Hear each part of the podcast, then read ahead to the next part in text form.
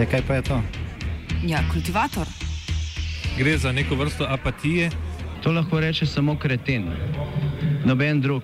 Socialni invalid in ga je ne mogoče urejati. Drugi kandidat. Pa, pa pije, kadi, masturbira, vse kako ti lahko reče. Nihče tega ne ve. Vsak petek skultiviramo dogodek tedna. Lahko po kriterijih radio študent, težko pa po evropskih kriterijih. Ampak na drug način, kot vi tu mislite.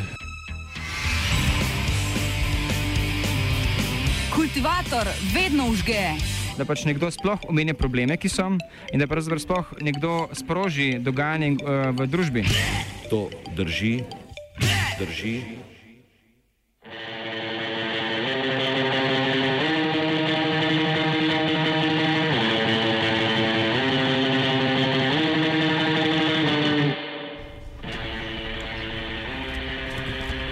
Severno od 38. usporednika.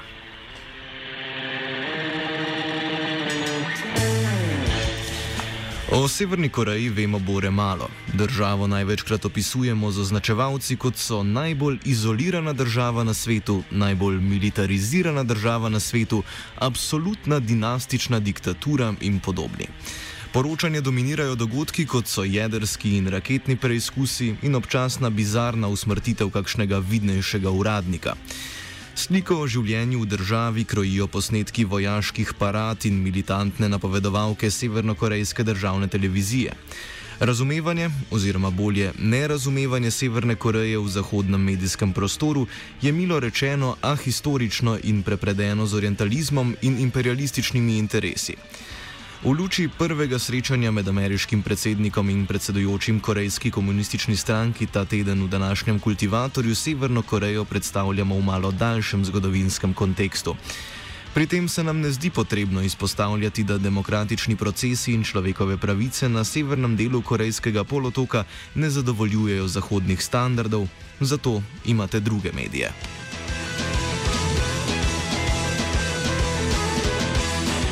Severna Koreja je nedavno obeležila 86-letnico ustanovitve Korejske ljudske vojske. Kljub temu, da je bil korejski polotok na severni in južni del razdeljen šele leta 1945, eh, ločeni državi pa vzpostavljeni leta 1948, Severna Koreja za dan ustanovitve svojih oboroženih sil smatra 25. april 1932. Takrat se je namreč začel oborožen odpor proti japonski okupaciji Koreje. V japonski marionetni državi Manchukuo na severu Kitajske so Korejci, ki so tja prebegnili pred japonsko okupacijo Koreje, predstavljali celo večino uporniških sil, čeprav so mnogi delovali pod vodstvom kitajske komunistične partije. Korejske gverile je do osvoboditve izpod japonskega jarma vodil ustanovitelj Severne Koreje Kim Il-sung.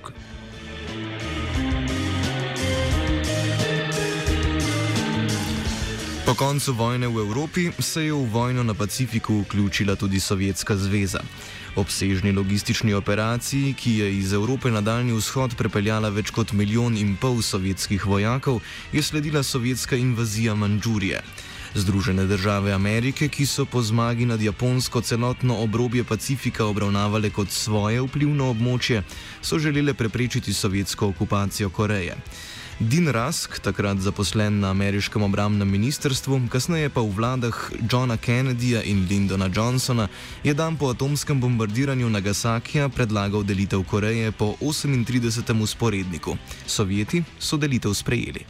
The United Nations sent a commission to Korea's ancient capital at Seoul in an attempt to unify the politically divided country and hold free democratic elections.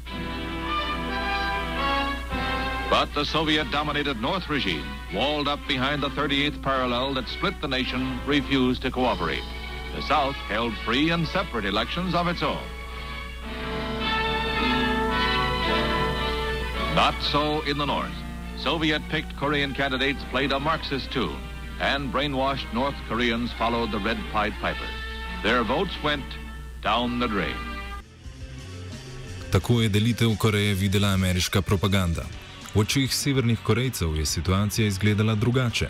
Medtem ko je na severnem delu polotoka zavladala detedanja osvobodilna vojska pod vodstvom Kilim Sunga, pa so imeli američani na južni strani 38. usporednika večje težave pri vzpostavitvi lokalne oblasti. Vanjo so potegnili mnoge Korejce, ki so kolaborirali z japonskimi okupatorji. Ti so zasedli tudi najviše položaje oblasti. Park Chung-hee, medvojna oficir v japonski vojski, je bil med letoma 1963 in 1979 južnokorejski predsednik. Njegova hči Park Geun-hee je bila južnokorejska predsednica med letoma 2013 in 2017. Do leta 1950 so južnokorejske oblasti v notranjih čistkah, uperjenih proti vsemu, kar je dišalo po komunizmu, ubile med 100 in 200 tisoč ljudi.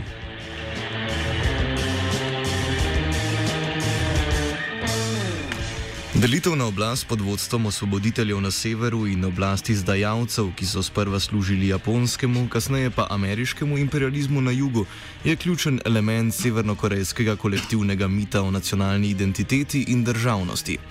Če se z razdalje dobrih 8000 km takšno historiziranje morda zdi pretirano, ne pozabimo, v kolikšni meri dogodki s simboliko Rdeče zvezde še vedno krojijo politično krajino v precej bolj odprti in mirni družbi, kot je Slovenija.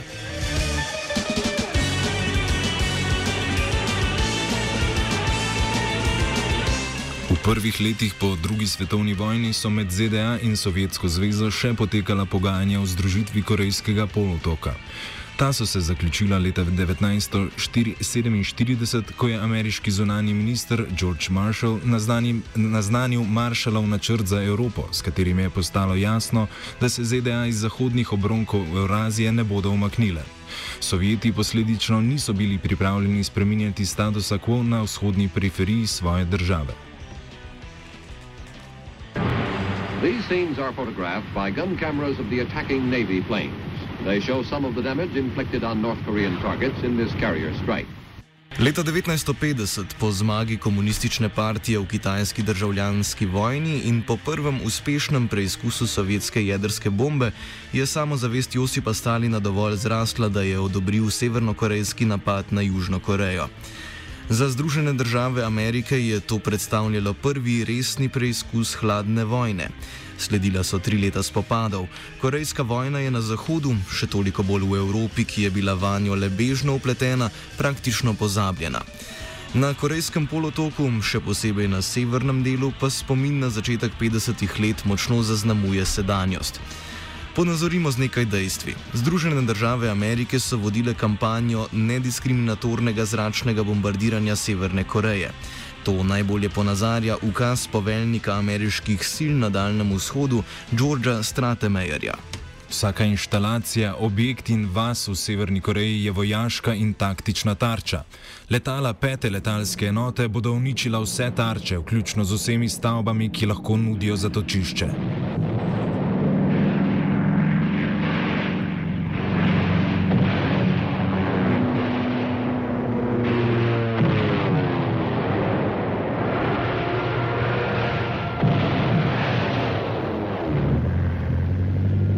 Strike over, the planes returned to their floating bases.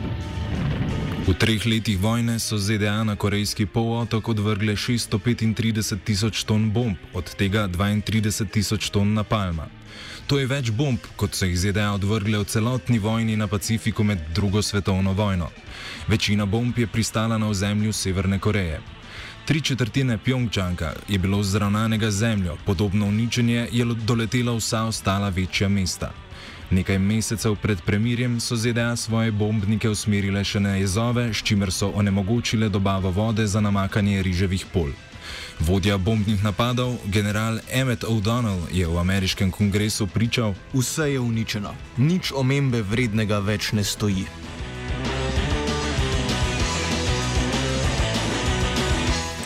V korejski vojni je umrlo od 2 do 3 milijone severnih Korejcev. To predstavlja med 12 in 15 odstotkov celotnega prebivalstva. Zloglasno visoko število smrti sovjetskih vojakov med drugo svetovno vojno je doseglo približno enako relativno uničenje. Sovjetska zveza je izgubila med 14 in 15 odstotkov prebivalstva. Izjave ameriškega predsednika Donalda Trumpa, da bo Severno Korejo doletel ogen in bes, velja razumeti v kontekstu severnokorejske izkušnje ameriškega zračnega bombardiranja v 50-ih letih.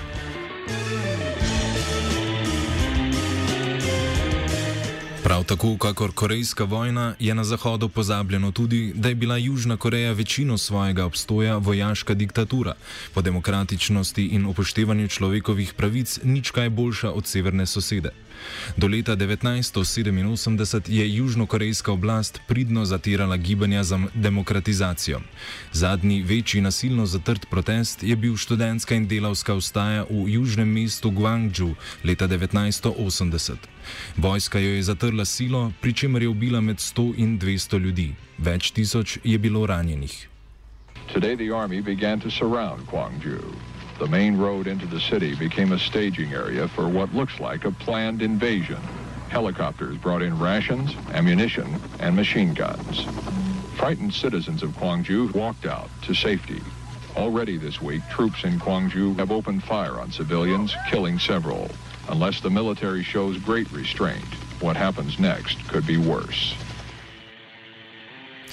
Vse to se je dogajalo ob polnem zavedanju in podpori Združenih držav Amerike. Takratni predsednik Jimmy Carter se je, kot je razvidno iz kasneje objavljenih dokumentov, odločil, da je ustajo potrebno zatreti. Ameriški veleposlanik pa je južnokorejskemu vodstvu sporočil, da se ZDA zavedajo potrebe po vzdrževanju reda in miru in ne bodo omejevale vojaških operacij.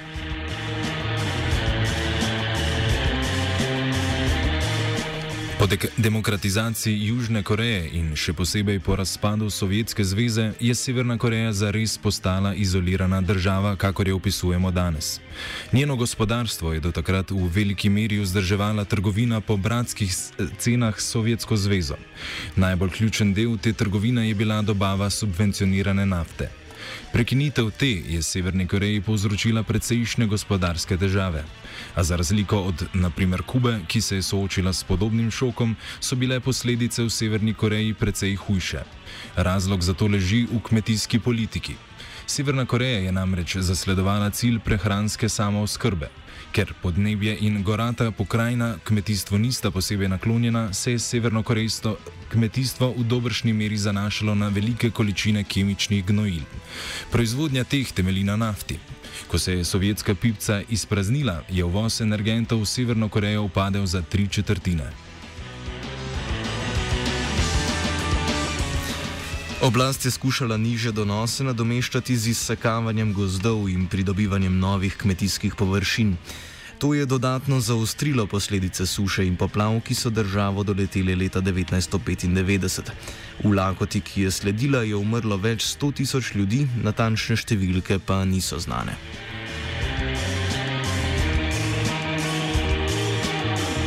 Severna Koreja je po poti razvoja jedr, jedrskega orožja začela stopati sredi 80-ih let prejšnjega stoletja. Leta 1993 je naznanjena namero, da odstopi od pogodbe o neširjenju jedrskega orožja. Vlada takratnega ameriškega predsednika Billa Clintona je tehtala možnost napada na Severno Korejo. Oktobra naslednjega leta sta državi podpisali sporazum. This afternoon, we have received formal confirmation from North Korea that it will freeze the major elements of its nuclear program. Severna Koreja se je zavedala, da ostane podpisnica pogodbe, ustavi razvoj jedrskega orožja in pristane na mednarodni nadzor jedrskih objektov. ZDA so se po drugi strani zavezale, da bodo Severni Koreji dobavljale 500 tisoč ton nafte letno, zgradile dva jedrska reaktorja za civilno uporabo in se formalno zavezale, da ne bodo uporabile jedrskega orožja proti državi.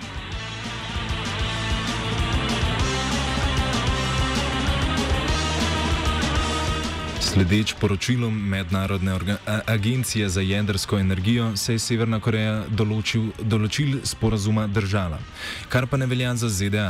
Po kongresnih volitvah leta 1994 so prvič v 40 letih večino v spodnjem domu prevzeli republikanci pod vodstvom Newta Gingricha.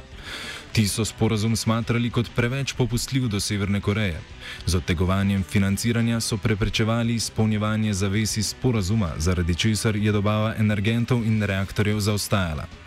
Clintov naslednik George Bush pa je na vrhuncu ameriške vojaške prevlade Severno Korejo uvrstil na os zla. States like these and their terrorist allies constitute an axis of evil. S tem je pokopal kakršne koli možnosti za ohranitev sporazuma.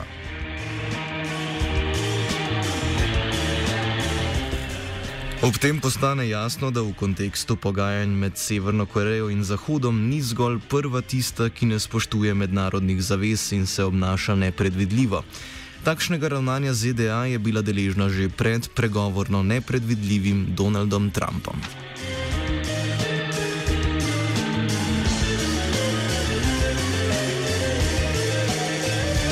Srečanje med Donaldom Trumpom in Kim Jong-unom je bilo v ameriških, pa tudi evropskih medijih deležno precej kritik. Največ jih je letelo na manjko konkretnih zavez Severne Koreje glede denuklearizacije. Po drugi strani pa so kritike trdile, da je Trump z obljubo o prekinitvi vsakoletnih vojaških vaj z Južno Korejo preveč popustil. O racionalnosti prekinitve vojaških vaj se je spraševala tudi azijska komentatorka v delu. Upoštevajoč izkušnjo ameriških zračnih napadov v Korejski vojni, je razumljivo, da Severna Koreja vsakoletno simuliranje napada na svojo državo in preletavanje ameriških jedrskih bombnikov čez Korejski polotok smatra za provokacijo, ki nima mesta v kontekstu pogajanj o normalizaciji odnosov.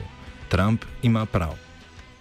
We will be stopping the war games, but we'll be saving a tremendous amount of money. Plus, I think it's very provocative. In upoštevajoč zgodovino dogovorov med državama, je razumljivo, da kaj več kot načelna izjava v tem trenutku ni mogoča. Je pa lahko korak v smeri končanja Korejske vojne, ki uradno še vedno traja, saj je bilo podpisano zgolj premirje. Ne glede na mnenja zahodnih komentatorjev, trenutna pogajanja podpira večina Korejcev. Kultiviral je Twitter.